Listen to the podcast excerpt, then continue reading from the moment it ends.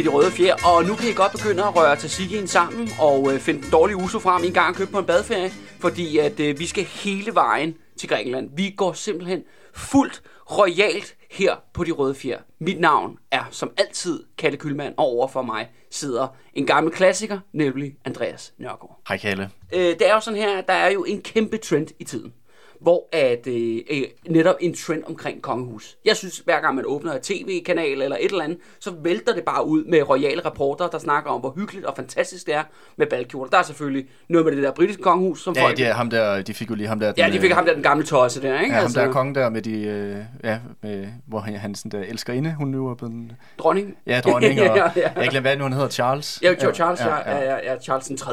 Ja. Ikke? Og, øh, og så er der selvfølgelig også vores egen vores eget kære danske kongehus jo, hvor at uh, Margrethe, hun har fyldt 80 for ikke så længe siden, og så har der også været alt muligt ballade med England, Athenas 11-års fødselsdag, og jeg skal komme efter dig. Jeg har, den her serie, jeg har med den her gang, det er jo faktisk en serie, du har ønsket. Ja, det er det. Det er et emne, du har valgt. Ja, det er mig, der har ønsket, at vi skal snakke lidt om, øh, om ja, det græske kongehus. Det og den, dansk-græske kongehus. og den lige præcis den danske forbindelse. Fordi det er jo lidt sjovt, at det danske kongehus for et par generationer siden gav det her offshoot af sig, som der endte med at blive øh, hvad hedder det, eksporteret til Grækenland, og som det jo faktisk stadig er det græske kongehus den dag i dag, og som har et meget tæt forhold til det danske kongehus øh, Og stadig. det er altså vanvittigt tæt, Andreas. I løbet af den her serie, altså øh, kan man sige, måske har vi lidt øh, på nogle punkter danset lidt rundt om den varme grød på det røde fjer i forhold til den nuværende kongefamilie. Mm. Altså huset Glyksborg, som det hedder. Men jeg skal lige love dig for, Andreas, igennem den her historie, altså skeletterne kommer til at vælte ud af skaben. Det, på mange måder tror jeg også, at det her det bliver den mest sådan, hvad skal vi kalde det, øh, groteske, flippede, mærkelige serie, jeg har lavet. Altså der er allerede nu, altså jeg er jo et par episoder foran jer andre, og jeg kan godt afsløre, Altså, det bliver, det bliver vildt det her. Mm. Og, ej, jeg forglemt, vi kommer selvfølgelig også til at slutte af med den store finale, fordi vores selveste, hendes majestæt, dronning Margrethe, kommer til også at spille en rimelig fordækt rolle, når vi når til de, til de sidste episoder af den her serie. Fedt. Så det vil sige, at selvom at det er lidt mere de eksotiske himmelstrøg, så er der Ja, stadig og også vi en... går fuld, vi går fuld royal, ikke? Altså, det, der er men ikke så, der. det her det er vores The Crown. Ja, men, der er, men der er også en anden grund til, at jeg faktisk har ønsket den her serie. Det er jo fordi, at jeg øh, øh, desværre faktisk stopper. Det her det er den sidste serie, som, Hulk. øh, som jeg, jeg er med på. Ja. Og, øh, og det, er jo, det er jo lang tid, jeg har været med, med, hvor vi har lavet den her podcast efterhånden, Ja. Kalle. Det er jo... Øh, det er jo tre et halvt år siden, Siden februar 2020, ja. ja, hvor du øh, spurgte mig, om jeg havde lyst til at være dit øh, menneskelige kødskjold Ja, øh, i i, mit- dit øh, korstog mod sønderjyderne. Ja, lige præcis. I mit desperate hobbyprojekt. Ja, og Ja. ja. jeg, jeg kom jo til at sige ja. Øh, Ja, og, og her, her. og her er jeg så Ja, ja, ja. tre og et halvt år efter. Ja. Og jeg tror, at, at hverken du eller jeg havde i vores vildeste fantasi forestillet os, hvor, hvor godt det, vi laver, ville blive taget imod af folk. At folk rent faktisk havde lyst til at, at lytte, på, lytte på os. Ja. Jeg tror, at dengang, dengang jeg sagde ja til at gå med i podcasten, der var der et par hundrede lyttere, Ja, det øh, meget faste rigtigt, ja. lyttere. Øh, og det er jo, altså, der er jo sket meget. Der er sket så meget på de sidste tre et halvt år med, med, med, med showet. Øh, Fuldstændig. Og men også i vores liv jo. Øh, Ja, ja, ja. personligt, du og jeg. Og øh, ja, og jeg vil sige, jeg, jeg er nået til et sted i mit liv, hvor at, øh, jeg har nogle andre kampe, der skal, der skal kæmpes. Øh, vi kender jo hinanden fra sin tid, øh, tidernes morgen tilbage fra politik, Ja. øh, fra revolutionære socialister, som jeg er jo stadig aktiv i. Og, øh, og jeg, øh, jeg er et sted i mit liv, hvor jeg gerne vil bruge mere tid på det, mere, mere energi på, øh, ja, på den sådan, politiske kamp. Ja. Øh, og du blevet det voksen, projekt. eller hvad og øh, ja, og, og derfor så, hvis der er noget, man vil bruge mere tid på, så er det også, så er man nødt til at skære, skære tiden fra andre steder. Og det, øh, det er en af stederne, det er desværre her, hvor ja. jeg er nødt til at, øh, at forlade skuden. Men, øh, men ikke før vi lige har vores sidste afsluttende ja. Andreas' lange farvel. ja. svalesang. Ja. Og øh, ved du hvad, Andreas, jeg vil bare sige, altså, jeg holdt kæft, altså, det har jo virkelig været en rejse. Altså, jeg, øh, det, det kommer nok ikke som overraskelse, at jeg siger, at jeg kommer over til at savne dig. Øh, Jamen, jeg kommer også til at Og- savne, og savne jeg dig tror- og alle lytterne. Ja, jeg tror også bestemt, at der er mange lyttere, der kommer til at, at uh, savne din jyske rolighed på den anden side, uh, på den anden side af bordet. Jo, det er jo faktisk helt vildt, kan man sige. Ja, hvilken rejse de røde fjer har, har været inde i, siden at du kom med uh, på showet for, altså for den her ja, spæde start, hvor vi var glade for, uh, gud fadervars, der har været 50 mennesker ind og lytte til os i den her uge, ikke? Ja. Til de her plus 20.000, mm. som det er jo nu, og hvor det her for mig startede jo som en, som en des, ja, desperat hobbyprojekt, en desperat vej ud, kan man sige, af ja, både arbejdsløshed, men også, kan man sige, øh, en, en dead end i forhold til, at jeg ikke kunne se mig selv være i den etablerede historie, kultur, mm. øh, miljø. Og så i dag, hvor det her det faktisk er min levevej. Ja. Og, og jeg kommer jo ud, ja, de, de røde fjer, det er den podcasten, der sparker dørene ind, men nu laver jeg jo så også så meget andet, altså mm. i form af byvandringer og foredrag og alle mulige andre former for, for samarbejder. Og jeg vil bare gerne sige tak, Andreas. Altså, jeg vil også gerne sige tak på lytternes. Ja. Altså, øh, Men jeg siger selv tak. Ja, ja, ja, ja, ja. Fordi at, øh, det er jo ikke fordi, at, det er, det er jo ikke fordi, jeg har gjort dig en tjeneste. Det føler, Nej. jeg, det føler jeg i hvert fald ikke. nej, nej, nej. Ej, det har, det har virkelig været en kæmpe fornøjelse at være med. Ja. Øh, det har det virkelig. Øh, og jeg kommer da også til at savne det. Ja. Øh, men hvis man skal gøre noget, så skal man også øh, gøre det 100%. Og kunne Ja. gøre det med, med, med lægge den nødvendige tid, energi, entusiasme. Og, og det, Jamen, jeg har også det føler jeg både, styr, jeg, støtter, jeg skylder dig, og skylder også øh, lytterne. Ja. Og hvis man skal gøre noget, så skal man gøre det helt. Ja, jamen jeg har også fuld forståelse for det, Andreas. Og det er også lidt sjovt, at jeg tænkte tilbage på, altså på daværende tidspunkt, hvor jeg tænkte, hvor jeg, hvor jeg overvejede, hvem skal jeg spørge om at blive min nye marker, ikke? Øh, og da jeg så kom frem til dig, altså jeg havde jo ikke forestillet mig, at det ville være så lang tid, eller hvad det var blevet til. Nej, du? jeg tror til at starte med, jeg der, der tænkte vi, at det var på de der Sønderjyllands afsnit. Ja, og, så, ja, og så og var så det sådan, så vil jeg tak. ja, ja, ja. ja, det var fedt med et jysk indslag ud med ham, ikke? ja, Altså. ja. Nu skal vi ind til nogle flere københavnere ind. Kom så. ja, ja, hvad hedder det? Jeg siger farvel med, med, med vemod, men med, med, med fuld forståelse. Og jeg er bare glad for, at du øh, gider at sætte dig ned en, en sidste gang. Altså, lige, hvad siger man, træk den gamle cirkushest, cirkushest rundt i Manation, og lige dufte savsmuldet den sidste gang. Og jeg vil også bare sige, altså til alle jer, der lytter med, i forhold til øh, de røde fjers fremtid. Øh, jeg er jo så lidt i en proces, øh, og heldigvis har vi planlagt en sidste rigtig klassisk de røde fjers serie til jer, så det er jo ikke fordi, det, altså, det adresser ikke Nej, nej, det er ikke det sidste afsnit det i er dag. ikke det sidste afsnit i dag, nej, nej, nej, der kommer lige en god håndfuld øh, endnu. Mm. Og i Ja, den, det er jo den her græske serie, Ja, den her, ja, den græske trone, som jeg har valgt at kalde den. Og, og det, jeg er selvfølgelig i proces, hvor jeg overvejer, hvad skal der ske øh, fremadrettet, fordi jeg tror, det er jo nærmest umuligt at vil kunne erstatte dig. Det er ikke fordi, jeg skal tage til Jylland og holde auditions i alle mulige forsamlingshus til at have fundet, fundet den rigtige, rigtige match. øhm, Rigtig blanding af folk, der, har, der er lidt halvskaldede og har briller. Og... lige, lige præcis, ikke? Og gået katolsk skole og sådan noget, ikke? Så jeg, altså, jeg virkelig, det, er, ikke- det er ikke det, der er min plan. Men jeg kan i hvert fald garantere én ting. Og det er, at de røde fjer kommer til at fortsætte som, som podcast, men også som historisk formidlings øh, kamp, kampprojekt. Og, men, hvad, men hvordan og hvorledes? Om jeg, ja, som sagt, om skal det være med flere gæster?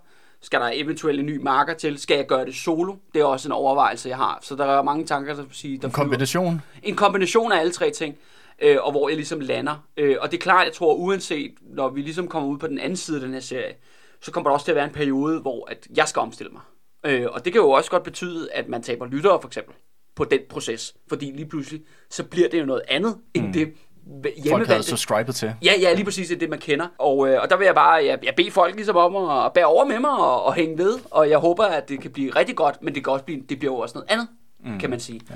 Og, øh, og jeg vil bare sige, at, I, ja, hvis folk gerne vil vise, at de stadigvæk er interesserede i at lytte til de røde fjer, og, og hvad jeg end har gang i, i hvilken indform det kommer til at have, jamen så betyder altså det her støtte ind på, øh, på tier.dk rigtig meget. Altså mm. man går ind på den her platform, der hedder Tier, hvor man kan signe op på et frivilligt beløb, og det er jo tier.dk, altså en betalingsplatform, ja, hvor man kan støtte mig med 5, 10, 20 kroner. Eller mere valgfrit Ja, beløb. ja, valgfrit beløb, og, øh, og det betyder, at hver gang der bliver udgivet en episode, så vil de 10 kroner blive trukket fra ens, øh, ens konto. Ja. Og det er sådan set, det, det er jo egentlig været det, der har været motoren, det er det, der har været the backbone i de røde fjer igennem, ja, faktisk nogenlunde omkring der, hvor du kom med Ja. øh, på showet. Ja. Øh, og det er jo også det, der sådan set, ja, også skal være med til at drive det fremadrettet på den anden side. Mm. Jeg vil i hvert fald sige, jeg vil da i hvert fald... Øh, Det kunne være, at du skulle uh, sign op på, uh, på det her. det kan du godt være.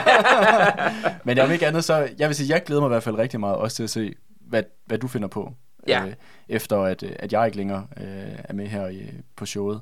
Fordi at om, om jeg er her eller ej, så synes jeg i hvert fald, at det som øh, den her serie, den her, øh, vores show, Univers, kan, eller hvad univers, ja, ja, ja. kan noget helt andet, som ingen andre historiepodcast kan i det danske podcastmedie. Øh, og jeg mener, der er behov for det hvad kan man sige, bidrag, som, øh, som vi gør. Altså noget, der rent faktisk er øh, systemkritisk. Noget, Ja. som stiller spørgsmålstegn ved de her etablerede sandheder, som man får fortalt i, i medierne, i uddannelsesinstitutioner, hvad det måtte være, men som måske ikke er så sande, når det kommer til stykket, og man mm. krasser lidt i overfladen. Ja. Så, øh, så jeg vil sige, jeg glæder mig utrolig meget også til at se, hvad du kommer til at finde på efterfølgende, og i hvilket format det så bliver, og Ja. ja. med hvilken, øh, og hvor mange eksperimenter, før du finder den rigtige formel. hvor mange må- freaky sidekicks, øh, der skal igennem den med maskine, det får vi ja, at se. Jo. det må vi jo se. Men, Ja. ja. øh, men jeg, jeg håber i hvert fald, jeg vil i hvert fald blive hængende og, og lytte med, og jeg håber også, at øh, Alborgs lyttere vil gøre det samme.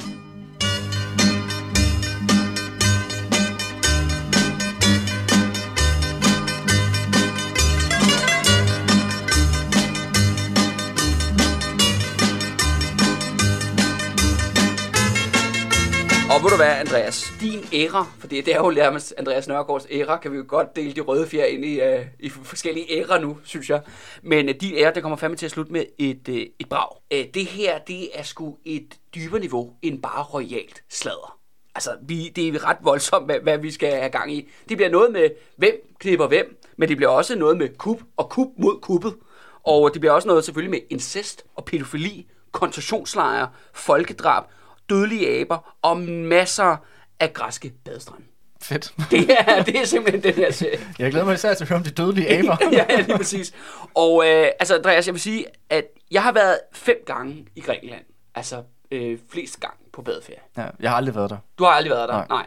Øh, Men jeg tror, men jeg ved, at jeg langt fra er den eneste dansker, der har været på badeferie. Ja, ja, ja, ja, ja, der er mange, det der- tror jeg godt, vi kan sige. Ja, altså, ja. at lang, rigtig mange øh, mennesker, der lytter, ja, der lytter med, men også i det her land generelt set. Har været en tur på Kreta eller Rhodos eller Ja, eller ja, lige præcis. Ja. Ikke? Altså nu skal det siges med den her serie, at vi prøver, jeg vil ikke forsøge at kaste mig ud i hele Grækenlands historie her. Nej, nej. Altså fordi det, det er et andet land for det første, og, Og det, har er, en det er anderledes en historie. meget turbulent historie. Meget det vil turbulent være, det vil være et rimelig stort brød at slå op. Fuldstændig. Og fuldstændig, øh, hvad hedder det nu, afsporing. Ja, ja, ja. Men det er ret grineren og interessant af, Andreas, hvis du kigger på det, der man vil kalde moderne græsk historie. Altså ikke det antikke Grækenland. Ikke Grækenland som centrum i det østromerske rige, Nej, og en del af det osmanniske imperium. Ja, ja, alt det her, som. Altså, den, mo- den, den moderne græske stat, som Ja. ja. der opstår øh, ud af øh, osmanderiet. Og det er meget sådan specifikt faktisk, fra 1863 til 1970, der er der bare danskere med hele vejen. Ja, i der, fra midten af 1800-tallet til, ja, til ja, lige så omkring slutningen af 1900-tallet, der involverer det danske kongehus sig. Og det er sådan lidt sjovt, det der med det danske kongehus, fordi at man siger, man har i hvert fald en idé om i den danske kontekst, åh, oh, det danske kongehus, klugspurgte Margrethe og prins Henrik og, og Frederik 9. og Christian 10. og sådan noget. Det er jo lidt hyggeligt. Det er jo lidt hyggenykke kongehus, vi har, ikke? Og de er jo så søde og rare. Og det er jo klart nok, at Danmark er et lille land, som ligger op af Tyskland og Sverige, som er meget større lande end Danmark. Øh, og derfor er der ligesom begrænsede muligheder for ligesom at fuck rundt og lave alt muligt fiksfakseri. Men det skal Altså, tænker du på sådan moderne ekspansioner? Ja, ja, og kupforsøg og alt muligt gøjl. Men det skal jeg lige love for, at vi har kigget, jeg har kigget det forkerte sted. Deres sindssyge legeplads, det er Grækenland. Okay. Det er simpelthen der, det foregår. Altså, hvor at det danske kongehus, og det er jo, skal sige, det er den samme familie. Altså, det er jo, fuld, det er jo fuldstændig... Ja, ja, det er jo fedt at kusine. Ja, og, og det er jo sjovt er det der med, at øh, da de først kommer derned, men måske lidt en tilfældighed i 1863, at de danskerne, de blev bare ved med at dukke op i Athen og blande sig igennem resten af historien. Så vi, så vi kommer til at, ligesom at gå fra 1800-tallet til næsten vores egen tid. Så man kan sige, der er, øh, med, et- med, med et lidt lavet ord, kunne man kalde det sådan lidt, det her, det er, øh, det er også en historie omkring dansk imperialisme, bare med royal foretegn. på Ja, ja, det kan man sige, det kan man sige, ikke? Altså i hvert fald en familie, som øh, virkelig, altså, øh, altså leger rundt med et andet land. Mm. Altså øh, 6 millioner grækere, øh, på daværende tidspunkt, øh, hvor, hvor vores historie i hvert fald begynder, ikke? Ja. Moralen, eller hvad, hvad er pointen? Pointen er jo så, at det danske kongehus rigtig gerne vil fuck rundt med ting. Men måske Danmark har på grund af øh, med Tyskland og Sverige og sådan noget, har mulighederne været lidt mere begrænset. Ja, også hvor, måske, Græ- at- hvor Grækenland har ligesom været et fattigt land, som har været en meget udsat politisk situation i dets moderne historie. Ja, og, mod, og under, underudviklet i forhold til og, Danmark og på et det tidspunkt også. øh, politisk system og sådan nogle ting, og en, og en sværere økonomi og alt sådan noget. Ja. Og det giver bare mulighed for, at den her vanvittige gøjlerfamilie, de kan simpelthen komme ind og lave alt muligt mm. fiksfakserier. Ikke? Men jeg tror også, det vi har også øh, igennem flere øh, hvad kan man sige, serier, der har behandlet slutningen af 1800-tallet, men også starten af, af hvad hedder det, 1900-tallet, at de jo ligesom også har beskæftiget sig med, det er jo også det her med, at hvordan magtbalancen i Danmark i forhold til, til klasserne i samfundet, er jo heller ikke sådan, så at bare kan, at den royale familie, hvis de ønskede, bare kunne etablere et enevældigt øh, monarki. Altså, nej, nej, nej, nej. Altså, du har jo rent faktisk øh, en bevægelse blandt bønderne i form af partiet Venstre, og du har en arbejderbevægelse i form af Socialdemokratiet, der begynder at opstå, og senere en kommunistpartiet. Så på Ja, ja, den ja, måde, ja. så så er øh, hvad skal man sige, den, den, øh, den royale families øh, muligheder for os at, at gøre, hvad de ønsker øh, sådan uden begrænsninger i, i Danmark, er jo også noget mere begrænset i forhold til et land som Grækenland, som er langt på det her tidspunkt, når, vi, hvor vores serie begynder, langt mere underudviklet land, Ja. langt mere sådan, øh, landbaseret, altså i forhold til, at folk ikke er koncentreret i byer. Der er ikke nogen stor arbejderklasse, øh, der er ikke nogen stor arbejderbevægelse. Der, Nej, nej, nej, nej, det er et meget andet øh, land, som, øh, som er meget mere, ja, øh, hvad skal man sige, øh, øh, let på den måde at blande sig i på den måde.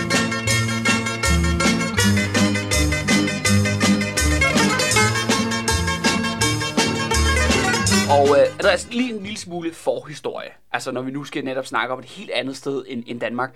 Altså for det første jo, ja, der er jo Grækenland, det antikke Grækenland, det er jo der filosofiens vugge, man kalder også vestens vugge, øh, og som også det her Grækenland, som blev jo centrum i det der, hvad hedder det, østromerske rige, ja. også populært kaldet det byzantinske rige mm. også.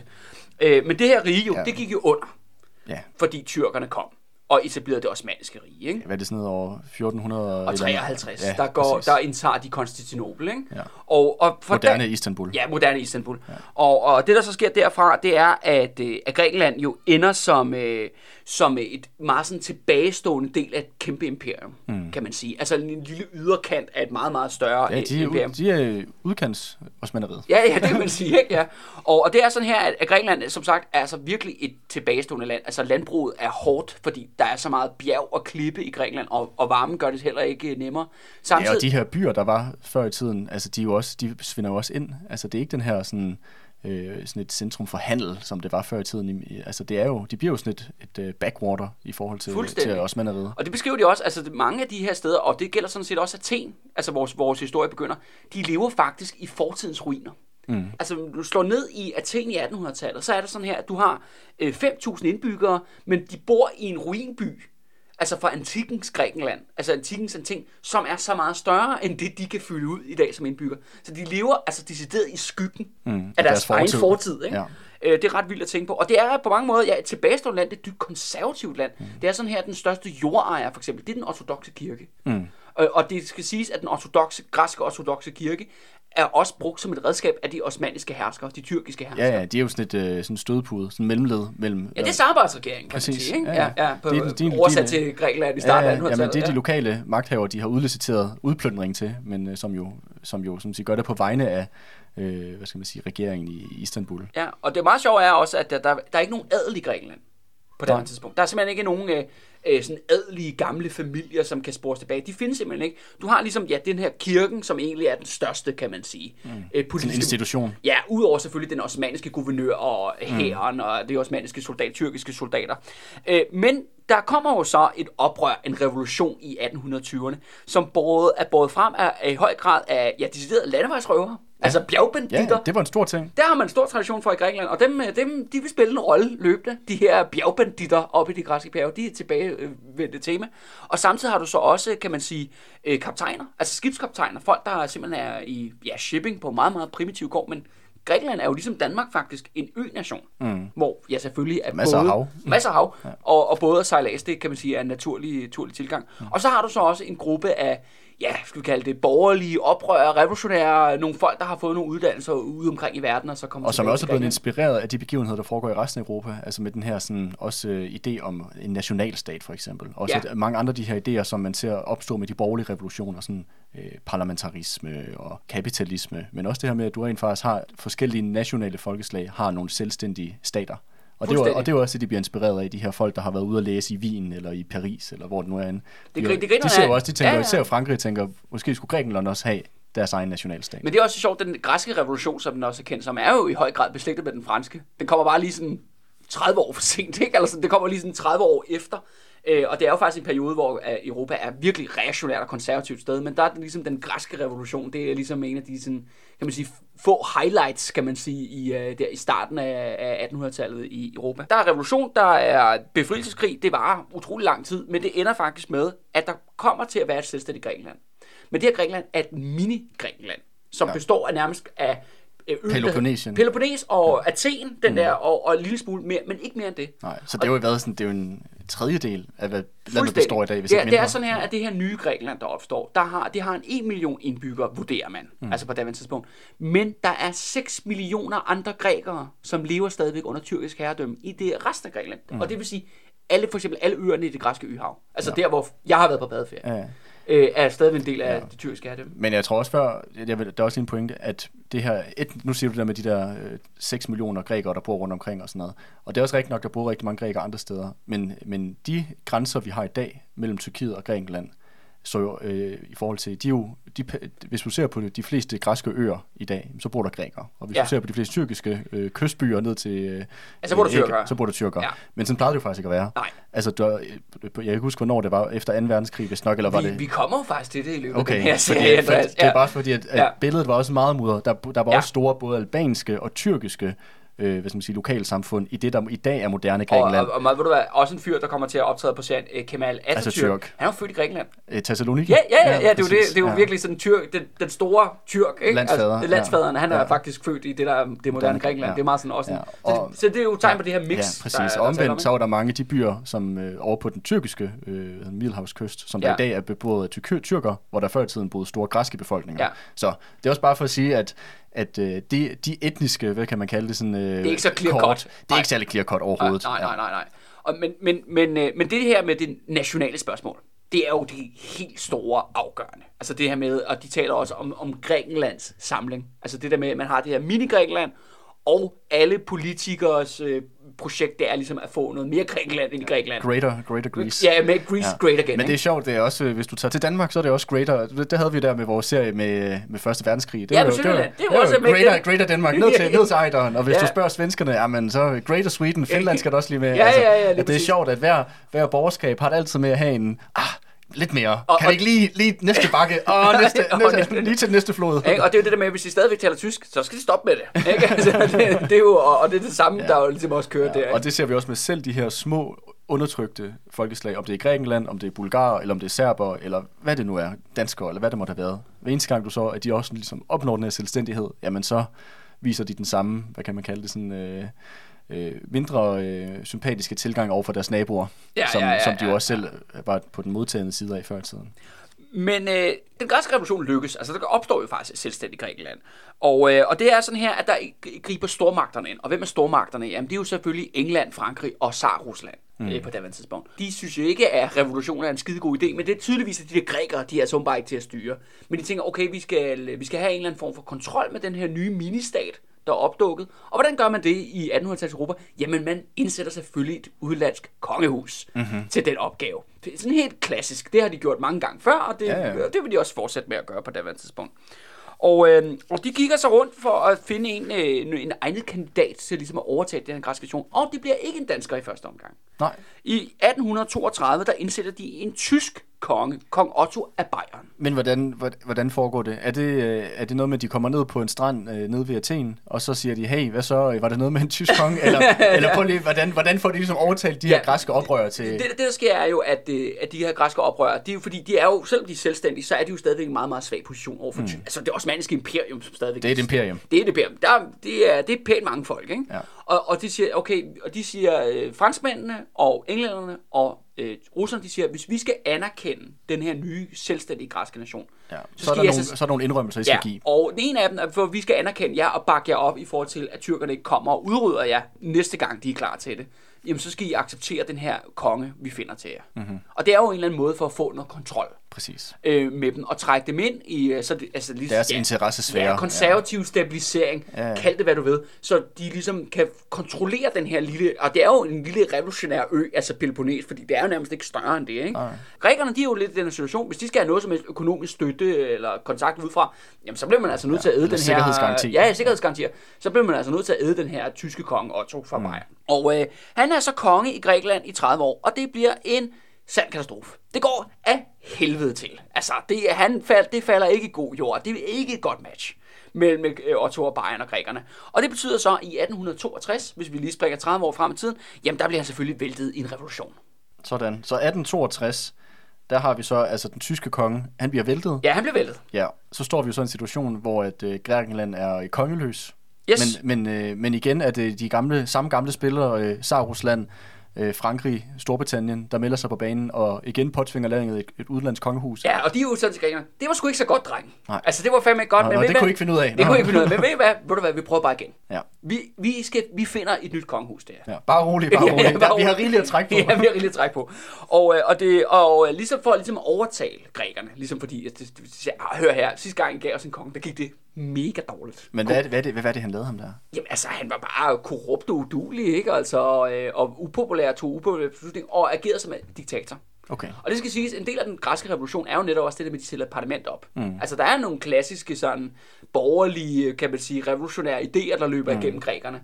Øh, også fordi de jo, som sagt, det er jo et land uden adel. Mm. Så det der med at ligesom få det der royale sendt Ja, ind det bliver udefra, meget sådan, det, det bliver, det er meget fremmed element, du på den måde prøver at påtvinge det. Og det er også det der med, at øh, ja, og det der med, at kommer fra Tyskland og sådan noget, eller fra Bayern, ikke? og det er noget Ja. helt andet.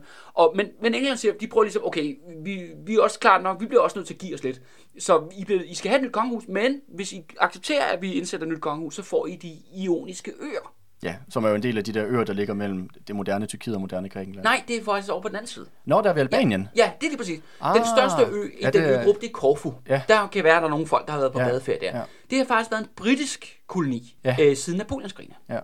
Og øh, britterne siger, ved du hvad, dem bruger vi sgu ikke så meget. Øh, så dem, dem smider vi sgu ind. Og på den måde kan man sige, så opfylder man jo det her græske krav om at få mere Grækenland ind. Ikke? Det er lige en sweet deal lige at kaste en øgruppe ind Mm. Ja. i, i den her. Så fik de lige anholdt på. Ja, ja, ja, ja, ja, lige præcis. Ikke? Og det er jo på den måde, de der klassiske imperialister bare du Fuldstændig. Ved, fuldstændig kaster, de skærer bare landsegrænserne, som de har lyst til. Ikke? Og. England er lidt large, og siger, ved hvad, I får sgu nogle øer også. Ikke? Ja, så de får de ioniske øer Ja. ja. til gengæld for, at, At at, de at de så får et nyt, et, ny- acceptere et nyt kongehus. Et nyt kongehus. Ja. Men grækerne har kun et krav til det her nye kongehus. Og det, må, og det, er, og det er de meget sådan stejle på, det er de bare sådan sikre på, fordi de har en dårlig oplevelse, har haft en dårlig oplevelse med Otto af Bayern. Det skal ikke være nogen tyskere. Okay, det er det eneste krav. Det er det eneste krav, de har. Ja. Og det, det er accepteret og respekteret alle selvfølgelig. Ja, ja, ja. Så.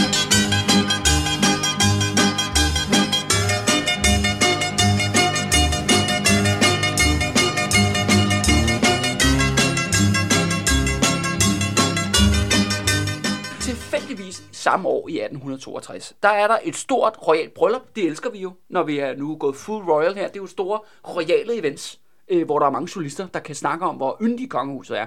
Og sådan et har vi i London, hvor at øh, en dansk prinsesse Alexander, hun skal giftes med kronprins Edward i 1862. Og hende der, Alexandra, hvor, hvor passer hun ind i hele... Ja, det, på daværende tidspunkt, der er, eller det er faktisk ikke blevet konge endnu. Der er jo sådan her, vi har jo i Danmark har vi en fordrukken øh, fyr, som har rådne tænder og som lugter af sved, der hedder Frederik den 7. og nu, Andreas, nu skal du lige hjælpe lytterne med at genopfriske deres øh, danske kongerække. Du kan jo nok huske, at der var en fyr, der hed Frederik den 6. Ja, det var ham, vi lavede hele den der serie omkring. ja, ham kan jeg godt huske. Ja, lige præcis. Ja. Ja. Kan du huske, at han ikke fik nogen sønner? Yes, Kan du huske, at der var en staldmester, der sprang på en prinsesse i løbet af den serie? yes. Det var en fyr, der kom en fyr ud af det, som vi kaldte Christian Frederik, men han blev til Christian 8. Okay. Christian 8, han får en søn, der hedder Frederik den 7., som desværre viser sig næsten at være lige så udulig som Frederik den 6. Nå, Det er ret uheldigt. ja, men nogle gange så falder æblet ikke langt fra stammen. Ja, nej, men, de, men de var jo faktisk ikke rigtige familie så, egentlig, hvis det Nej, var. nej, nej, fordi altså, det var staldmester. Frederik, Frederik, ja, det er Frederik 7., han er jo så staldmesterdynastiet, ja. Ja. ikke? Problemet er, at han får heller ikke nogen børn. Nå, for det. Fordi han går op i at drikke sig fuld og... Øh, Lugter sved. Ja, lugter sved og har rådne tænder og ikke børste tænder, og øh, går vildt meget op i arkeologi jo. Altså han Nå, er bare okay, ude det lyder da meget fedt. Men det vil sige, at han graver ikke selv, han ser på andre graver. Nå, okay. Og så graver de over, og så finder de Han er ligesom de der pensionister, der står og ser på folk, der laver vejarbejde. Ja, lige, ja, lige, Og giver dem gode råd. Lige præcis. Og derfor øh, øh, skal man ligesom finde en aftager til det, til det danske kongehus. Og der vælger man en fyr, der hedder Christian øh, Glux, af huset Glucksborg. Og som lægger grunden for den moderne Ja, kongeslægt. lige præcis. Ja, Ja, som er kongehus. tiboldefar til Margrethe. Ikke? Ja. Og, øh, og Christian 9., eller Christian 9., som han skal blive, han er ikke blevet konge nu i 1862. Det er jo først og set Frederik den 7., der er konge. Han er øh, reservens reserve, reserveprins. Okay. Altså, lang historie kort. Hans ældre brødre, det vil sige, altså hans linje til det danske kongehus er så langt ude, at vi to er mere i familie med Gorm den gamle. altså dig og mig, Andreas, og alle jer, der lytter med, langt de fleste af jer, er mere i familie med de der klassiske gamle dynastier, mm. end de der er. Okay. Han er virkelig langt nede Han er virkelig prioriteringslisten. langt, ja, virkelig langt på. Og det fede er så, at han er også en for en familie af oprørere og rebeller. Fordi hans to ældre brødre går begge med tyskerne i treårskrigen. Okay. Ja, så de, han Og, er, og tredskrigen, det var den, som Danmark udkæmpede mod Slesvig Holstein. Ja, lige præcis. Ja. Men det griner er, at Christian er mega tysk. Han er altså så 100% Så en tysker. oplagt kandidat som til han, grækerne som som han konge. aldrig lærer at tale dansk. Okay. Altså ordentligt, ikke? Ja. Og hele familien, altså han får mange børn, skal sige, men de er alle sammen også tyskere. Hmm. Det er vigtigt at forstå. Og øh, hans ældre brødre, og det, var, det giver mening for de ældre brødre, de går med tyskerne i det her oprør mellem dansk og tysk, fordi de er jo tyskere, sjovt nok. Ikke? Så Hmm. de vælger jo deres nationalitet, siger man, kan man sige, ikke? Mm. I, i det her oprør. Men øh, Christian er tilfældigvis gift med Frederiks øh, søster. Frederik den 7. søster. Ja, ja. lille søster, okay. Louise. Og, men Louise er jo så heller ikke i familie, altså hun er produkt af staldmesteren. Mm. Altså det er bare så forstå mig, altså så det der når kongehus ja. siger i dag, at de er i familie med Gorm den Gamle, det er bullshit. Andreas Nørgaard er i familie med Gorm den Gamle. Ja. Det tror jeg er nemmere at bevise, end, end deres øh, såkaldte stamtræ, ikke? Ja. Nå. Anyhow. Anyhow hvad kan man sige, af lidt mærkelige, obskure veje, øh, bliver Christian, Christian og Louise udpeget til at være efterfølgelse til Frederik 7. Mm-hmm. De har en hulsmasse børn. Øh, en af dem hedder Alexander, det er hende, der bliver gift i London, men øh, der er selvfølgelig også en søn, der skal blive til Frederik 8., altså den næste i den danske kongerække, men der er også en yngre bror, der hedder Wilhelm. Wilhelm? Wilhelm, ja. Fordi at hans søster skal giftes i London, så er han selvfølgelig med til det her bryllup. Mm-hmm.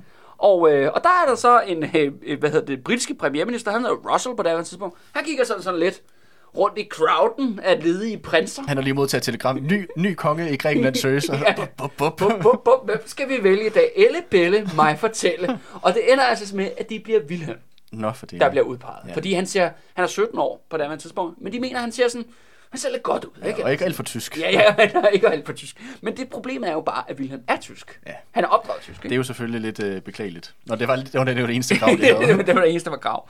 Øh, og det så sjovt er, at øh, den her med, at grækerne siger ligesom ingen tyskere, det er som om, at øh, det virker som om, når man kigger på britternes side af det her, der de ligesom skal vælge, det er, at britterne faktisk ikke er i stand til at kende forskel på danskere og tyskere.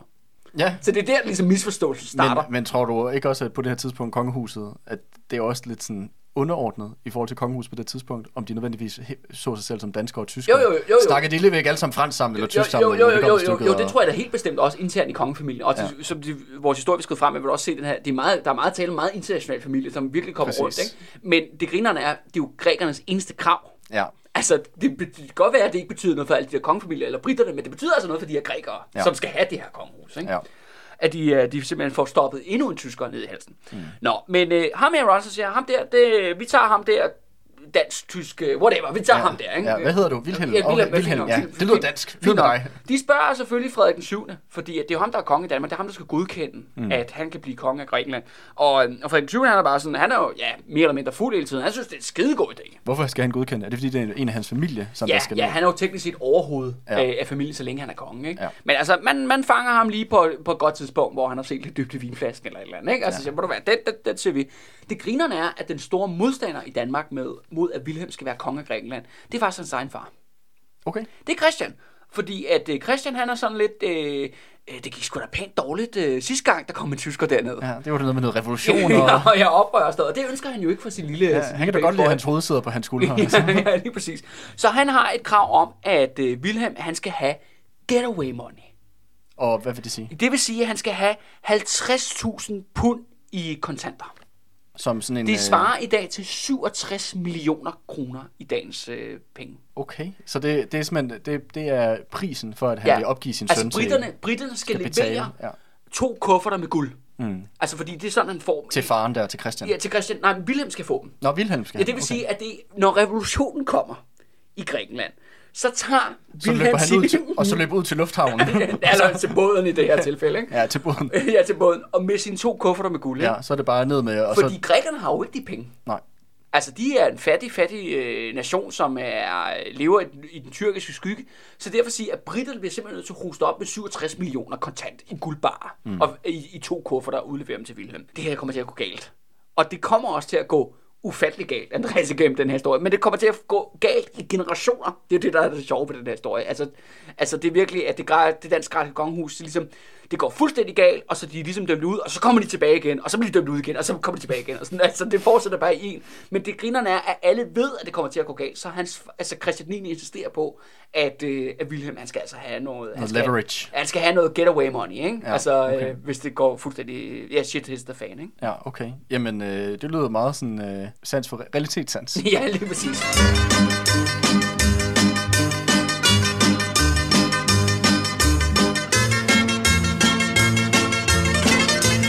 Britterne siger ok. De siger, vi skal nok sørge for de penge der. Og så grækerne, de får ligesom at vide, vi har skaffet jer en dansk prins. Og grækerne siger, nå, det lyder sgu da skide godt. Og så. Danmark, bum, bum, hvor, bum, hvor, ja, hvor, er det nu lige? Er det nu, det henne? er det en by i Sverige, eller? ja, ja, hvad, hvad er det nu, det ser ud deroppe, ikke? Så grækerne siger, ved du hvad, vi, øh, vi sender skulle lige en delegation af nogle af vores, øh, vores bedste revolutionære ledere for den her langvarige borgerkrig, eller krig, vi udkæmpet.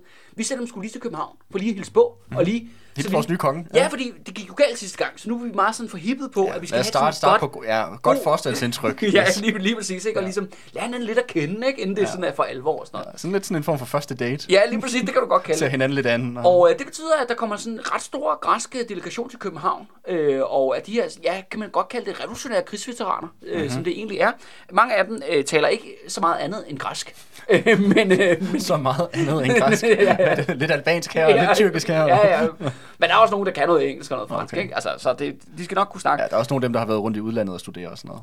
Selvfølgelig. Ja. Øh, men det grinerne er, at de befinder sig så i seks uger i København. Og, øh, og jeg skal lige love dig for, at de får lov til at se byen. De øh, får øh, turistturen rundt i København og Så ser... det er oppe i Rundetårn og Ja. Vrå Kirke ja, ja, og ja, lige præcis. Men øh, de, får, de får den tur 10 gange. Okay. Og, og på intet tidspunkt får de faktisk lov til at møde Wilhelm. Nå, Eller Christian og resten af familien. Fordi de er jo tyskere. okay. Og, de, og det, så, så, så det grinerne er, at de møder sig med Frederik den 7., fordi han er jo faktisk dansk. Mm. Øh, og han er, ja, han er fuld og snakker om gamle ting, han har hævet op af jorden. Ja. Ja. Han var også berømt for at fortælle rigtig mange løgnhistorier. Ja, så han, virker, så de er bare sådan, åh kæft, han er den mest danske mand, jeg nogensinde har mødt. Han er fuld hele tiden. Men, og, og, og, og, lyver og, og de er i uendelig mange middage her i København. De er til alle mulige galamiddag og middag, og de er bare sådan, jamen, øh, nej, men det er også fint nok med alle de her middag og, og smørbrød og sådan noget. Det er rigtig hyggeligt og sådan noget. Men øh, hvad med ham her? Med ham, der Hvor kongen? konge? Hvor vores konge? Og de får simpelthen ikke lov til at møde ham. Nå, Fordi at der er jo ikke nogen i den der kongefamilie, der kan, kan finde ud af at tale dansk. Nej. Og de er jo bange for, at grækerne opdager det, at de endnu en gang får proppet en tysker ned i halsen, og derfor ligesom vil trække sig for den her, den her deal om at få indsat en, øh, ja, en dansk-tysk konge, som det jo egentlig er. ja. Men hvad så, øh, altså, er ham, øh, ham Wilhelm, er han i København, eller? Ja, ja, men de lader jo så bare kispus, jo. Okay. Altså, så det er de- bare, ja. så når de andre oppe i Rundetårn, så er han på kanalrundfart, ja, og vice versa. ja, ja, ja, lige præcis. Jamen, det er virkelig som om, at de bliver gemt væk inde på Amalienborg, ikke? Ja. Og det er jo også resten af Christians familie. Altså, fordi det er jo den der kæmpe familie. Han har jo vildt mange børn jo. Mm. Øh, og børnebørn og alt muligt gøjl. Og de bliver alle sammen gemt væk, fordi de er jo alle sammen mega tyske. Mm. og, øh, altså, De kommer med deres lille skål med sauerkraut, Ja, ja, når de er ude på gaden. ja, lige præcis. Så derfor bare sådan, de der grækere, de må fandme ikke møde dem, ikke? Så de, så de får altså en tur, lunden. de får en tur i kanalrundfarten endnu en gang, i stedet for ligesom at, prøv, prøv at se, H.C. Andersen, prøv at, altså det er det, de får, bliver pakket på, ikke? Men det ender med til sidst, at, ligesom, at den græske delegation giver op og tager hjem, uden at få, ligesom at få opfyldt deres ønsker om at møde den nye konge. Men Wilhelm, han kommer så til Grækenland, og han har så skiftet navn på turen derned. Men så det vil sige, at de accepterer faktisk, at, at ham her, den, øh, den, den lidt mystiske konge, de ikke har mødt, han bliver indsat. Ja, ja, ja, ja, ja. På trods af, at de ikke mødte ham. De havde, så, de havde simpelthen så god en tur i København, at de var sådan, ved du hvad, det er sgu fint nok. Ja, ja, ja, ja. Alt det smørbrød, alt de stjerneskud, vi Ja. kan godt acceptere det. Ja, lige præcis. Alle de, alle de hvad hedder det, grønne bajer, de har fået drukket, ikke? Yes. Og sådan- Altså, ja, de, de siger, okay, fint nok. Og de har, fået, de har fået vist alle mulige billeder. Det skal siges selvfølgelig til aller, aller sidst. Har de en audiens, hvor de møder ham. Okay. Men der ser han jo bare... vist alle mulige billeder. Sådan et billede, hvor han, så står han ved siden af Dannebro, eller sådan Ja, noget. ja, lige med tegninger og, og fotografier og Sådan nogle. Facebook-billeder, hvor man lige har det der banner der. Men, Ja, ja. Og så møder de til sidst, hvor han lige siger, du ved, øh, goddag med øh, hård tysk accent, ikke? Ja. Ja. Altså, og så, og, men nu skal I hjem sjovt nok til, til Grækenland, så afsted med jer, ikke? Jeg kommer Ja. ja. lige om lidt, ikke? Og Wilhelm ankommer så til Grækenland, men i løbet af den der med, at han skal blive græsk konge, så skifter han også navn. Mm-hmm. Og det er det navn, vi kommer til at bruge øh, resten af serien her. Han skifter navn til George den Første. George den første. Ja. Eller Geo. på, Ja. Men jeg tænker, at vi siger George. Det kan vi godt. Så George den første. Og det øh, kan man sige, han, han starter faktisk egentlig meget godt, da han ankommer, fordi når han ankommer, så øh, betyder det også, at de ioniske øer bliver en del af Grækenland. Mm-hmm. Så han kommer jo, kan man sige... Kom, kom med en gave. Han kommer faktisk med en, med en god gave, som grækerne er, er glade for. Så han får letop, kan man sige, en populær... Øh, Og det kan jo også være, at dem, der bor på Ioniske øer, måske også synes, det er meget fint. Ja, ja, Jeg ved, ikke- jeg ved ikke, hvad... Jo, jo, I, I dag er de i hvert fald grækere, dem, der bor der, men jeg ved ikke, hvad de var Jo, jo, i de vil jo rigtig gerne være en del af Grækenland. Så kan man sige, på den måde kan man sige, at han har et godt sådan Start. start kan man Ja. sige, øh, som, øh, der, som monark af Grækenland. Øh, han flytter så til Athen, som sagt, er jo den her lille bitte by i den her meget, meget større ruinby. Ret sjovt er det, han flytter jo så ind på Otto, han har bygget, øh, Otto har stået for en række projekter med øh, en række store bygninger i Grækenland. Øh, I de 30 år, han var i konge. Ja, han har været konge. Blandt andet har bygget i kongeslottet, som er jo så den dag, der hvor at øh, Grækenland har sit øh, parlament i dag. Mm-hmm. Det kongeslot der. Øh, ret grinerne er det også, at øh, universitetet og videnskabsakademi øh, har han også fået bygget i Grækenland, som er også bygninger, man kan se i dag, men han har brugt dansk arkitekter.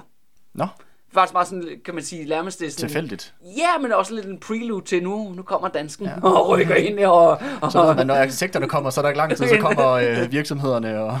Men der er sådan to meget sådan kendte øh, arkitekter fra starten af 1800-tallet, der hedder, der er sådan brødrene Hansen. Så det hedder Joe Hansen til efternavn. De har også bygget mange bygninger, eller stået for mange bygninger i København, skal siges. Okay. George der, han førte os ind på det her tidligere tyske kongeslot. Og det her skal sige, at det her kongeslot er fuldstændig smadret. Fordi der har jo været revolution jo. Ja, Så og det endte jo ikke så godt for Nej, det endte jo ikke så godt. Det endte jo faktisk med, at øh, slottet blev stormet. Ja. Så mest af slottet er faktisk, altså alle værelserne og inventaret inde i værelset, det er fuldstændig smadret. Så det ender med, at han flytter bare ind i et enkelt rum over i den ene side med sine to kufferter med guld. Ja. Og så bor han inde i det der kongeslot, ikke? Det er sådan ligesom, han starter ligesom Ja, okay. sin, øh, sin, sin kongegærning. Jamen, øh, interessant start. Også lidt sådan håndværkertilbud-agtigt. det. Jo, så, jo, så er det bare jo. at tage fat et rum, rum ad gangen. Og øh, han siger jo også selv, altså i de første, øh, første lang tid, der, øh, der sover han altså med tøjet på. Okay. Og, og, altså med, og nærmest spændt fast i sine to kufferter med guld, ikke? Altså klar til, at- til, at, løbe, ja. til, til at daf øh, ind, i- ind i tegn. Hvad, hvordan er så det her møde mellem den her dansk-tyske øh, kongefamilie og grækerne? Og øh, nu har jeg jo så kigget på øh, lidt frem i tiden, og også kigget på de monarker, der kommer efter George den første. Øh, og det, de siger jo sådan meget det samme øh, om, om grækerne, deres folk, det skal regere. De omtaler grækerne jo som, som dogne øh, og udulige, Nå. øh, og de omtaler dem også som enormt ulækre. de, er virkelig så, de synes virkelig, at grækerne er klamme. Ikke? Altså, de, de lugter altså, ud af munden, og de ja, urene. Ikke? Ja, så det er jo igen en virkelig god start på sådan et forhold mellem monark og sine undersåtter. Sådan, Men til gengæld så synes de også, at, og det er jo ligesom det grimme, de har at sige om grækerne. Det andet, de siger så også om grækerne, de synes jo også, at grækerne er enormt grineren. Altså, det er enormt festligt folkefærd, ikke? Mm-hmm. Og de siger, der er også enormt gang i den. Altså, ja, de, så det er da godt at have en masse hofnar, man bare kan sidde og blive underholdt af. Ja, de optaler også virkelig sådan nogle altså, ærekære øh, patrioter, og de er modige, ikke? og de, de er sjove. Øh, men først og fremmest beskriver de grækerne som anarkister. Mm-hmm. Og, og de, når de bruger ordet anarkist, så er det ikke så meget i den politiske betydning af ordet, mere som sådan, der er bare kaos. Okay. Altså, det er den måde, jeg i hvert fald læser deres øh, ord, brug af ordet anarkist her. I Ja, den her sammenhæng. vel, vel, vi er i øh, 62 på det tidspunkt. 1862, ja. Ja, altså så anarkisme som sådan en politisk tendens, hvad man skal kalde det, er jo egentlig, eksisterer vel egentlig på det her Ja, det tidspunkt. findes, det findes, ja. Men ja, men det er jo nok ikke sikkert, at det er fordi, at George den første her, han, han, er, det, han har sgu ikke lige, lige siddet og læst Bakunin. Det Nej. tror jeg, det tvivler jeg sgu på. Altså, det forstået med, at de er sådan nogle uregerlige mm. typer, der bare laver ballade. Mm. Og, øh, og jeg kan ikke lade være med at tænke, altså det er også, skal samtidig sige, der er jo et parlament jo, i Athen, hvor så at øh, George den første her, og så det politiske overhoved for, at han beskriver det også bare, jamen det er jo en flok øh, klaner, som så har et parti i parlamentet, ikke? Mm. og så har det alle mulige, øh, alle mulige former for politiske infights. Men jeg, da jeg ligesom skulle skrive den her episode, Andreas, jeg kan være med at tænke, at det bedste metafor for det her, det er, at man skal forestille, hvis vi skal lave en mo- moderne pendant, det er, at prins Joachim, han flytter ind i ungdomshuset. Altså, og, han, og det er ligesom ham, der skal repræsentere ungdomshuset udadtil. og du kan ligesom forestille dig, du kan forestille dig de clashes, Ja. ja. der kan foregå på det her. Ikke? ja, det vil ikke være et særligt kønt ægteskab. Det, det, det tror jeg vist ikke. Og det, og det er bare sådan, det er bare det gennemgående i den her historie. Så det, man skal forestille sig, at prins Joachim flytter ind i ungdomshuset. Ja, og det, og, det, bliver ligesom, og bliver påtvunget dem som deres repræsentant ja, udadtil. Ja. det er virkelig sådan, hvor at der er ikke nogen, med sådan, okay, vi er tvunget sammen, så vi bliver ligesom nødt til at Ja, prøve det er at finde meget ud af det. uskønt ægteskab, Ja, ja, ja. ja, ja, lige præcis. Ikke?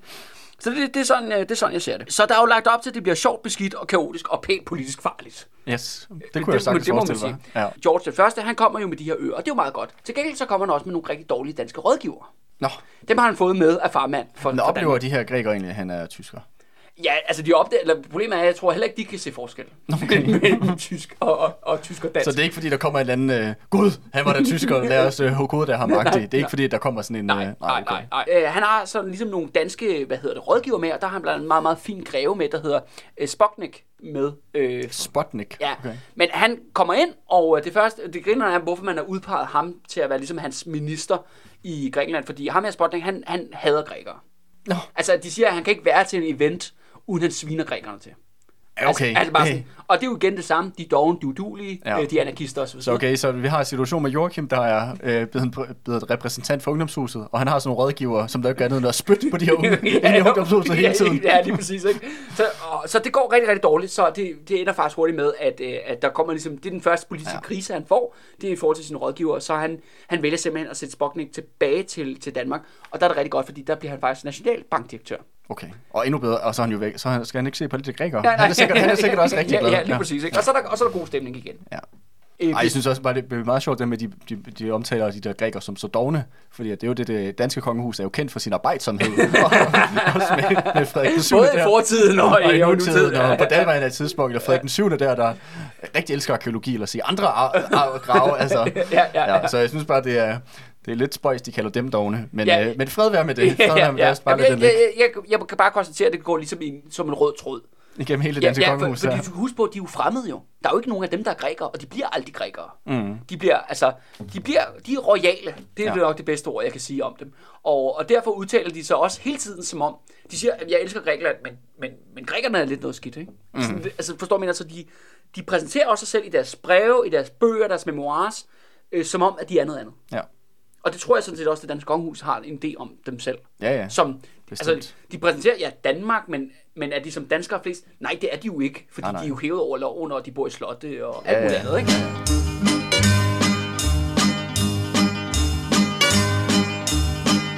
Der er mange af de her græske konger, der bliver svinet til i historiebøgerne, skal ja. siges. Altså, der er mange af dem, der får et rigtig dårligt karakter øh, på i, i historiens dom. Det sjove er, at George den første er ikke, han er ligesom den gode konge i den her historiefortælling.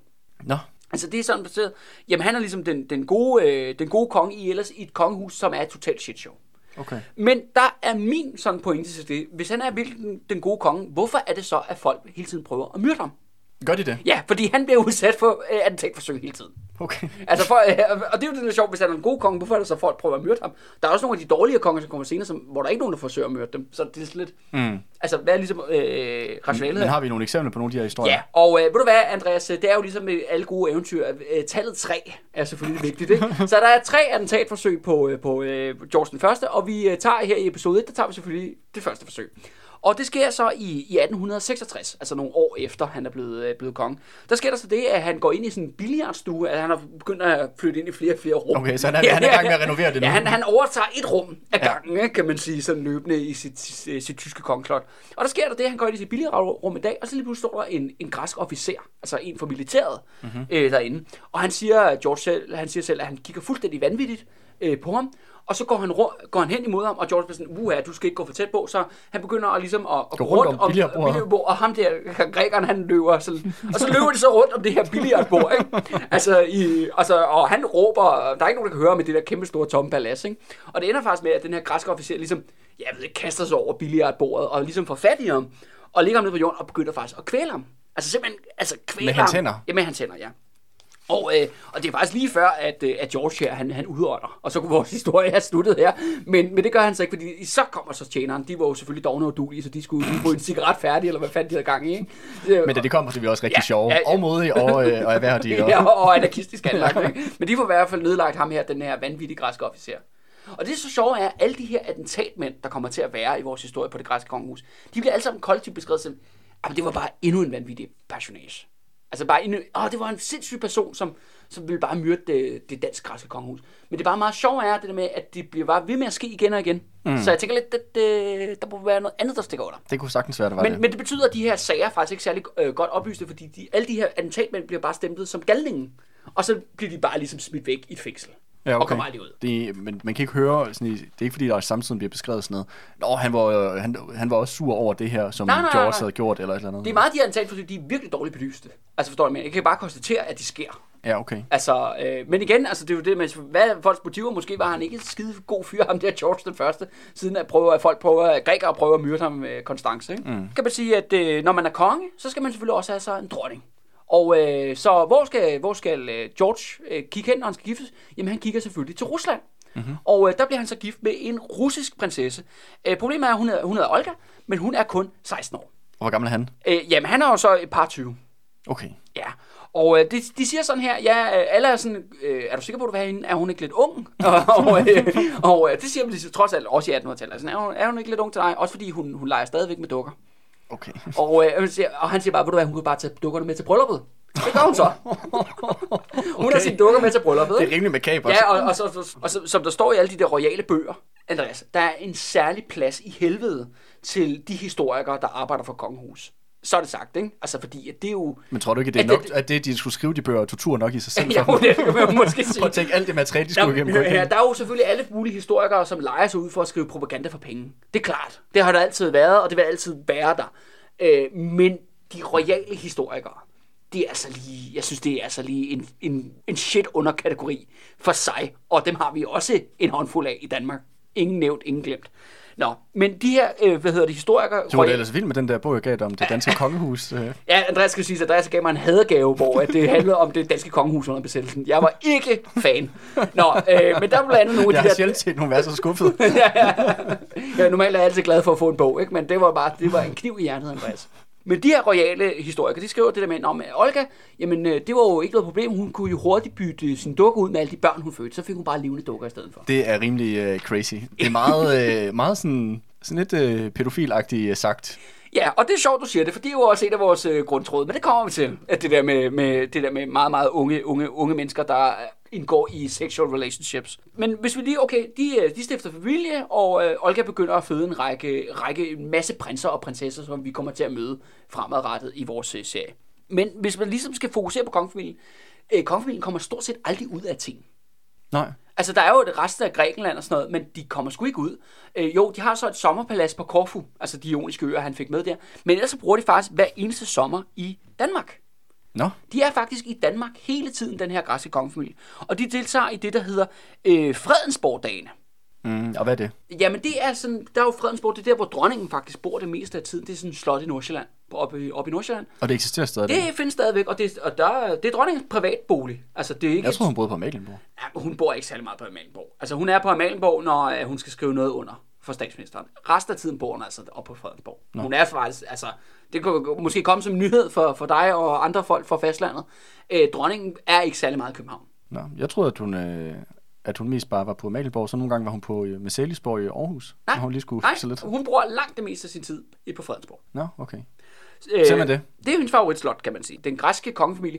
De, kan jo, de tør ikke rigtig bevæge sig ud fra ting, fordi der er jo alle de her anarkistiske anlagte grækere, men der er også rigtig mange banditter, som vil skære fingrene af dem for deres guldringe. Ikke? Så de, de bliver meget sådan i deres safe spaces, deres safe zones. Den der ø, eller den der, øh, hvad hedder det? Øh, hvad Ja, kongepaladset Ja, i. Athen, og, og så deres kongepalads i, på Korfu, Ja. og så ellers kongepaladset i Danmark, Ja. hvor de så mødes med resten af familien. Og det er jo det, der hedder Fredensborg-dagen, bliver det kendt som. Og det er jo igen, fordi så bliver jo Christian, den 9. han bliver konge, og dro- Ja, faren der til, Ja, til George ja, den første. Ja, han bliver konge, og øh, hans kone Louise bliver dronning. Og, deres, øh, og de har jo den her kæmpe store børneflok, hvor at, øh, ja, Alexandra, hun bliver dronning af England, og de har en anden øh, datter, der hedder Dagmar, der bliver Tsarina mm-hmm. af Rusland. Så har du selvfølgelig Frederik den 8., ham der er kronprinsen af Danmark, og så har du så selvfølgelig George den første, med, det- som er konge af Er det, er det derfor, de også er blevet kaldt sådan noget hele Europas... Øh, Svigerforældre, Ja, lige præcis. sådan noget der. Og det sjove er jo så, at, øh, at det øh, bliver jo hyldet som om, at, øh, at det er pissehyggeligt.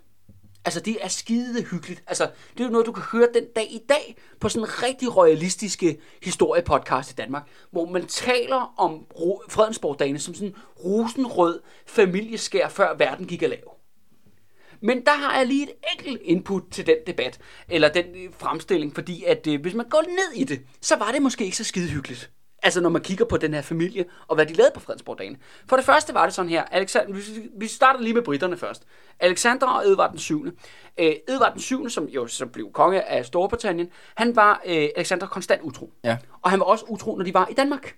Så han var aldrig på slottet. Han var ude og være på druk og hænge ud med sine elskerinder, ikke? Okay. Så Alexander, hun var der så alene, Okay. kan man sige på Fredensborg, ikke?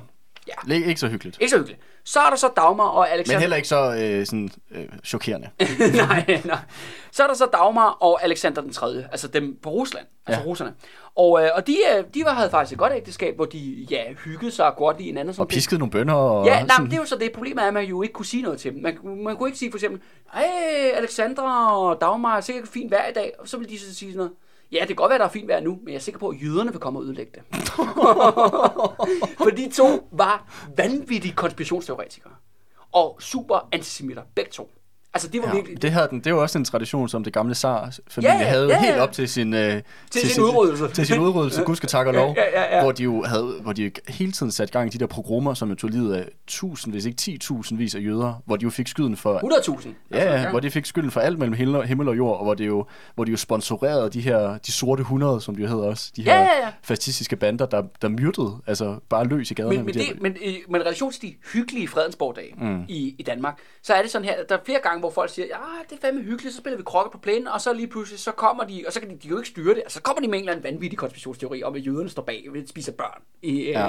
Altså, forstår du, mener? Så det er nogen, der virkelig, sådan, virkelig skaber sådan en akavet stemning. Ja. Du, du, kender det jo nok. Altså, det, Ja, ja, man har været til, man sidder der til familiesamkomsten, og man sidder ved søsteren på den ene side, som sidder og græder, fordi hendes mand er ude og utro hele tiden, og så Ja. har man den anden, øh, anden gren af familien, der bare sidder og snakker om, hvordan jøder de står bag alt ondt i verden. Venner som febrilsk. Hvem kan jeg snakke med om noget, der er lidt mere hyggeligt? Og, Altså nu, nu jeg jo ikke selv, øh, hvad hedder det, hævet over en god øh, konspirationsteori eller to, men, men det er jo sådan her, der er jo nogle mennesker, som er fuldstændig besat af det, og Ja, ja. hvor det ligesom, de kan ikke tale om andet. Nej, og det er Øh, sådan en- og det, er virkelig, og det kan virkelig være belastende, altså, Ja, ja, ja. At, at, at, være i, ikke? Og, øh, og det er sådan her, Dagmar og Alexandra er, okay. altså Okay. til de her fredensborgdage, ikke? Så det, det skaber en dårlig stemning. Og så er der selvfølgelig øh, Frederik den 8. eller kronprinsen af Danmark. Øh, han, det skal siges, han er også rigtig, rigtig glad for at være utro øh, over for sin, øh, sin kommende dronning, Louise. Øh, Louisa, undskyld for, for Sverige. Øh, men han er ikke, han har ikke elsker endnu ude i byen. Han er det, man vil kalde bordelentusiast. Okay. Ja. Bordelentusiast. Han, han elsker et godt bordel. ikke? Jamen altså, alt lyder jo bare lidt mere uskyldigt, hvis du siger entusiast. Ja, det, ja, det er præcis. Jamen, han, er, han har en stor passioneret hobby mm-hmm. omkring bordeller, så det ligger ja. ligesom også en dæmper på det, også fordi at Louisa fra Sverige, hun øh, bliver mere eller mindre sådan intermissionskristen. Okay, og det er Så jo hun- rigtigt, og det er jo et virkelig godt match. Ja. En, der er indre mission, og så ham med hans sunde entusiasme for, for bordelfaget. Ja, det er præcis. Så der er, også nogle, der er ligesom også nogle, nogle, nogle spændinger der. Mm, det kan jeg godt forestille mig. Ja, det kan du godt forestille dig. Og, øh, og, så, og så har du så George den første og Olga og hele den gakkede græske kongefamilie. Mm-hmm. Så du kan se, hyggen, ja. Ja. den er skide god. Ikke? Kronen på værket, det er jo så Christian 9. Øh, og Louise. Og det skal siges jo, at alle, min bedømmelse af Christian 9. det var jo, at han var virkelig dum. Altså han var dum som et bræt. Altså han var sådan en, han, ja, han er sådan en, der siger sådan dumme ting, eller ikke ved noget. Altså han er sådan en, mm. ja, øh, han er sådan meget sådan blank, Ja. blank type. Det var Louise, der havde Ham har vi jo, dem har vi jo, den type har vi jo med flere i den danske Ja, kongefamilie i ja, tiden. ja. Og, men det er Louise tydeligvis, der har, har bukser på, men hun var ligesom en, en led strile, fordi det var faktisk hende, der stod for, hun var ligesom mobbedronningen over dem alle. Og hun mobbede jo især Louise, hende den intermissionske. Nå, okay. og, og, og, og, og, sagde til sine døtre, ikke? Eller sådan. og hun var bare sådan, ja, ja, der var meget fedt, mand, det er jødernes skyld, ikke? Og så sagde til sin anden datter, Alexander, ja, men hør her, nogle gange, så bliver Edvard bare nødt til at klæde udenom, og det må du bare leve med, ikke? Så hun var også, lige, hun var også ligesom på mange måder Lidt svigermoren, lidt- svigermoren for helvede. Ja, lidt en tyran mod dem alle. Fuldt, ja. ja, det siger alle. Og så Christian, der sidder spejl blank, som jo så også kører et diktatur hjemme i Danmark med Estrup. Ja, ja. By the way. Ja. Så det, så det er virkelig, også ligesom i baggrunden. Ja, så, øh, så det er pissehyggeligt alt sammen. Det er skidehyggeligt sommerferie. Det er virkelig royal familie. Ja, man forstår godt, de bare kommer hver eneste år. Den her George, øh, den første, og hans øh, kone Olga der. og, og de skal da have mere af det. Og det skal siges, det har også en impact på resten af, i hvert fald København i hvert fald, øh, at de her Fredensborg-dagen spænder af. Fordi det faste er jo, at de russiske og græske sømænd, de går jo i byen og smadrer København. Og det gør de så hver sommer. Mm. Ligesom, fordi de kommer jo med deres flådeskibe ikke, og ligger til i København, og så går de på druk i de der 14 dage, 3 uger. Øh, Fredensborg-dagen ligesom kører. Så i generelt, skide hyggeligt. Altså bare virkelig noget, vi kan være stolte af. Altså Yes. som, som nation og, opelske den her fortælling om det danske kongehus. Altså den mest forfærdelige, akavede familiefest. År efter år Men efter år. år efter år, som du overhovedet kan forestille dig. Men det betyder jo selvfølgelig også, at den øh, øh, forbindelse til Danmark er tæt. Ja. Det må man jo forstå, Ja, ja. også i relation til vores historie. Hvis de Og- bliver ved med at komme år efter år, så må Ja, det ja så og, må, og den her, kan man sige, både, det er nu er det så det, det britiske, danske, russiske øh, og græske Græske. kongehus, som er tæt forbundet.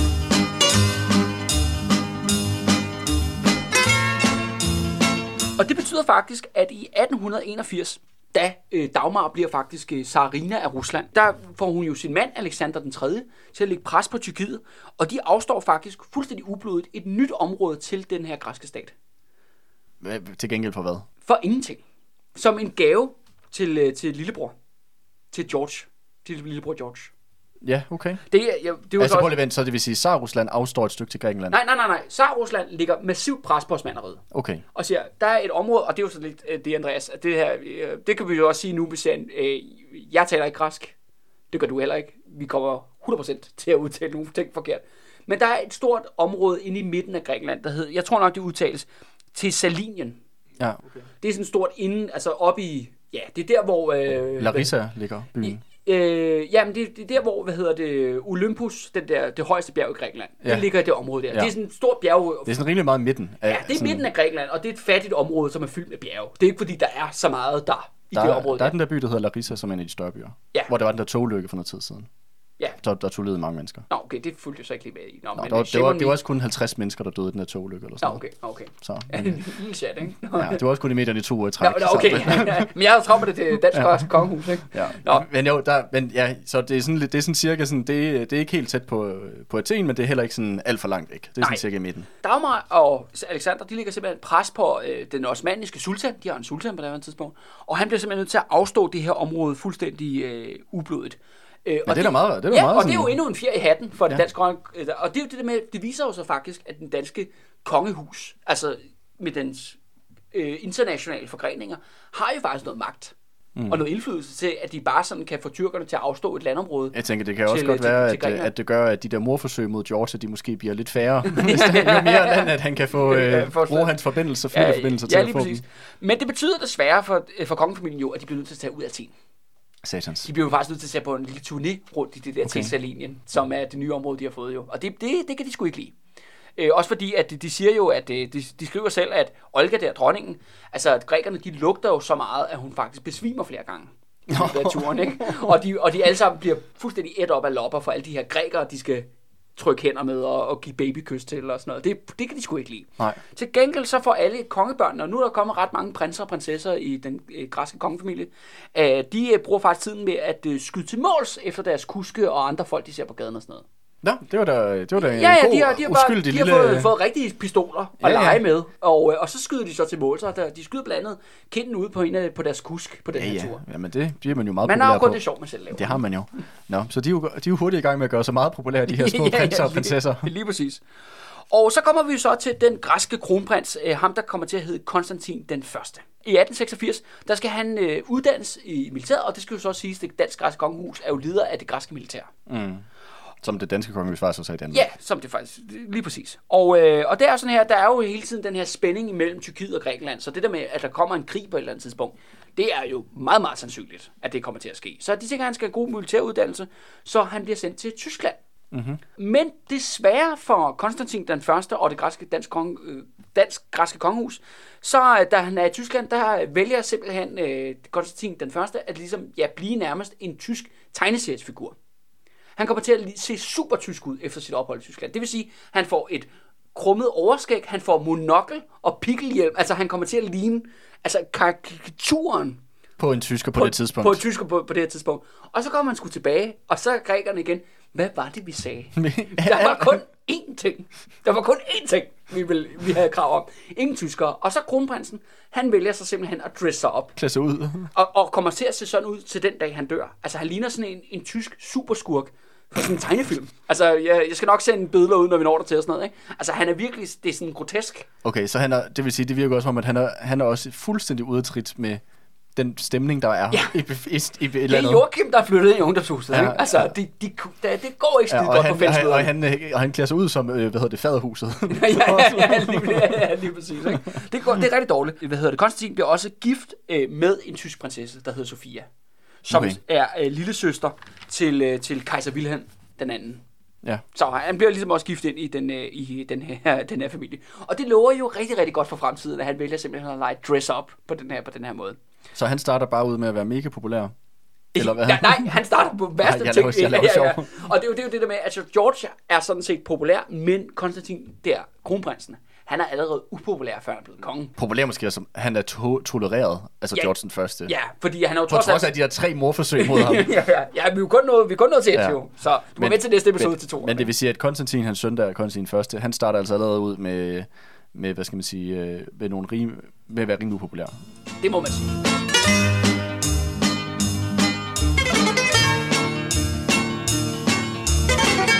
Men så går vi op til året 1896, fordi der sker noget ret sådan vigtigt for Grækenland, øh, og måske endda Hvad for et år, siger du? 1896. Ja. Fordi der genopstår de olympiske lege. Ja. Og det gør det, for der er sådan en øh, fransk øh, rigmand, som øh, ligesom synes, at det kunne være fedt at genstarte de olympiske lege, som jo kommer jo egentlig fra antikken. Men det skal selvfølgelig foregå i, øh, i Konge, øh, Grækenland, fordi det er jo her, hvor de, de olympiske lege starter, og, og ned på det olympiske stadion, det oprindelige olympiske stadion, Olympia, som ligger der i Grækenland. Og det synes jo, at det danske græske kongehus er en pissegod, det er jo mega fedt fed PR-stunt for dem. Ja, de kan jo godt lide sport. Se i dag, Royal Run og sådan noget. Ja, altså, de ja, er bare ja, ja, og, pjattet og, med og, det. Og, man må jo sige, at de olympiske lege, de kører der på fuld spad lige siden da. Ikke? Altså det, det, ja. Og det, det starter simpelthen her.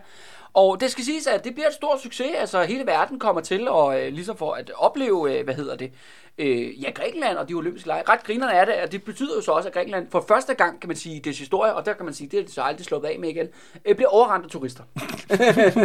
altså der kommer simpelthen, men i den her omgang øh, er det meget særligt amerikanere og britter. Det er ikke nu, endnu ikke, er det ikke danskerne, der kommer på badeferie. Det har de sgu ikke råd til på det her tidspunkt. Men der er simpelthen der kommer folk, der kommer helt fra USA. Ja. Altså sådan mange. Ja, fordi der er olympiske lege, og øh, det betyder, det det er det første, kan man sige, turisme mm-hmm. fremstød i den græske, moderne græske historie i hvert fald. Op. og kommer ned for at se de her olympiske lege. Men ret grinerne er de, de fortæller, fordi Grækenland er jo stadigvæk, på trods af, at man har fået lidt mere land og sådan noget, mega fattigt mm. land. Det er sådan her, at man kan for penge, kan man komme ind og møde den øh, græske kongefamilie ind på deres slot. Wow, som, som turistattraktion. Ja, ja, lige præcis. Det er en turistattraktion ja. Ja, i Athen. hold op. Du skal selvfølgelig op og se Akropolis, det gamle tempel der fra antikken, ja. Ja. og så går du så ned, og så bestiger du så vagten, altså livgarden øh, ved det græske kongepalads, og går du komme ind og hænge ud med George og Konstantin, ikke? Og, og hygge, hygge, hygge, hygge, hygge lidt. Hold op. Så det er virkelig sådan, ja, så det er jo, har vi mange beskrivelser af, at det, jamen, så kan du lige komme ind og være lidt royal. Og det synes jo amerikanerne, som ikke har noget kongehus, er vanvittigt eksotisk. Det forstår jeg da godt. Ja, ja, og lige hænge ud med dem, ikke? Det kan jeg sagtens forestille mig. Og lave rød grød med flødetesten, og jeg ved ikke hvad, ikke? Altså, det, Ja. det ja. Sjovt. Og, øh, Ved du, ved du hvorfor, altså, hvorfor at, øh, Akropolis, det der store ja, tempelkompleks, der er oppe på toppen af der Athen, at det, er så, at det bliver så stor en ruin, eller at der, var, der plejede at være meget mere af det. Jamen, jeg hørte det noget om, det blev sprunget i luften, ikke? Altså i, en, i noget krig med, tyr, med, med Jo. ikke, ikke med tyskerne, men med tyrkerne. Ja, og jeg tror, det var Venedig, den der gamle italienske bystat, så det er engang sådan i, mid, i midten, hvad hedder det, i øh, middelalderen, og så, ja. hvor at, jeg kan ikke huske, om det var tyrkerne, der havde puttet, der brugte de der gamle tempelkompleks op på Akropolis til at, at bevare krudt i, Ja, eller om det var omvendt, om det var Venedig, der havde der der kontrolleret. var jo nogen, der havde krudt ind i der var i hvert fald nogen, der havde puttet masser af krudt ind i teltet, som br- brugte det som våbenlager.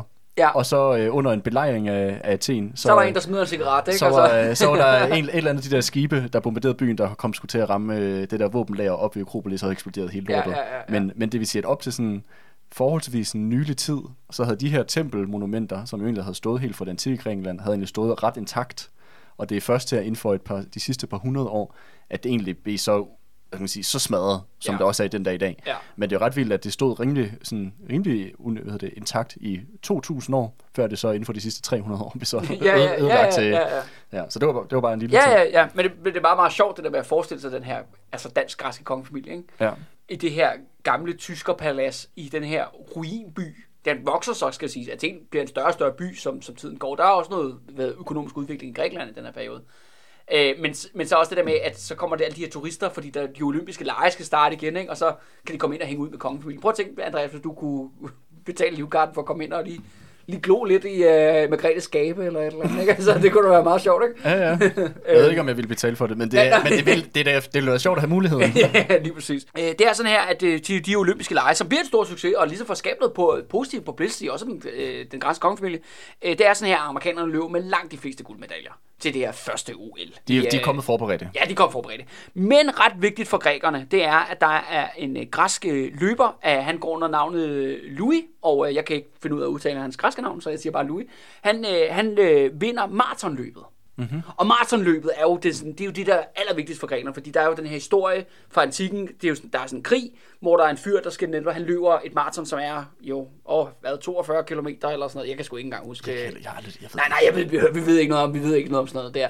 Nå, men, øh, men han løber meget, meget langt, og så og ligesom får leveret en meddelelse. Og det bliver Og så så... ifølge historien, så falder han jo død om, når han leverer meddelelsen. Det var, Ja. ja. meget, det var faktisk den tragiske historie. Jeg tror, det er perserne, der er i gang med at invadere Grækenland.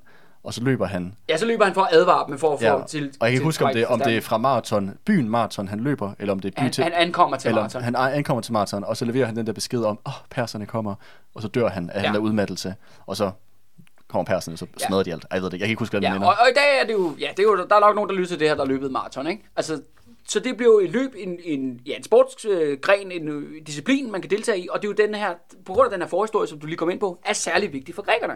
Altså hvis der var et sted, de gerne ville have en guldmedalje, så var det altså her. Mm. Og, og det formår ham her, Louis. Altså, han kommer, han, han kommer løbende faktisk ind på stadion, og han mangler lige sådan de sidste 100 meter eller noget, ikke? og grækerne går fuldstændig amok og jubler. Ikke? Det er jo den store, det er jo den store øh, ja, idrætssejr, de har vundet her. Men så sker der noget grineren. For lige pludselig er der en, der rejser sig op for, for bænkene, hvor kongehusfamilien sidder. Det er netop øh, ikke Konstantin, ikke kronprinsen, men hans yngre bror, som også hedder George, og det ved jeg godt er meget forvirrende. Men han er sådan en kæmpe fyr, altså en mega høj, sådan en dansk-tysk mand, øh, der kommer løbende ned, og øh, så løber han ned til Louise, øh, Louis der, og så, så løber han foran ham igennem feltet, så det er egentlig ham, der, hvad hedder det, krydser målstregen før ham. Ej, hvor dårlig stil. Så han kommer ind og stjæler simpelthen hans, Guldmedaljen. hans fonder, ikke? Nej, men han stjæler, han, altså Nej, han, han stjæler hans fame, eller ja, skal sige, øjeblikket ja, for altså, ham. ja, ja, Louis, Louis skal få sin guldmedalje. Ja, men ham der... Men ham der, Hans- han, kommer simpelthen og tager, der prinsens- ødelægger, hans, øh, hans moment, ikke? Ja, Ja, ej, hans store sportsmoment, ikke? Okay, ja, så det er jo sådan, man bliver rigtig populær jo. Ja, det må man sige. Og det er netop det er ham, det skal handle om i næste episode. Det vil, være det, det, vil, det vil være det samme som hvis vi havde, jeg ved ikke, hvad man kan komme med moderne som Eurovision. Danmark er ved at vinde Eurovision, og så kommer øh, øh, kronprins Frederik lige op på scenen i sidste øjeblik. Og de synger den sidste strofe? Ja, på, på vindersangen. Ja, ej. Altså virkelig, altså virkelig dick, dick Ja, move. meget ikke? provokerende. Meget provokerende. Men det er jo også ham, det skal handle om i næste episode, Andreas. Det er netop ham her, prins George. Fordi han er jo... George den anden så, eller? Nej, nej. Han hedder bare George. Nej, han er også bare George. Meget okay. Så der er George den første, og nu er der så prins George. Okay. Og øh, prins George, han er nok den største skandale i det danske kongehus øh, historie of all time. Der er ikke noget, der nærmest kommer tæt på. Der, vi kommer til at snakke rigtig mange royale skandaler, men den her, det er altså noget i, i særklasse for sig. Øh, og du kan godt glemme alt om øh, Athenas 11-års fødselsdag og sådan noget. Ting. Det her, det er altså helt anden kaliber. For prins George, han bliver seksuelt udnyttet af sin danske onkel, prins Valdemar.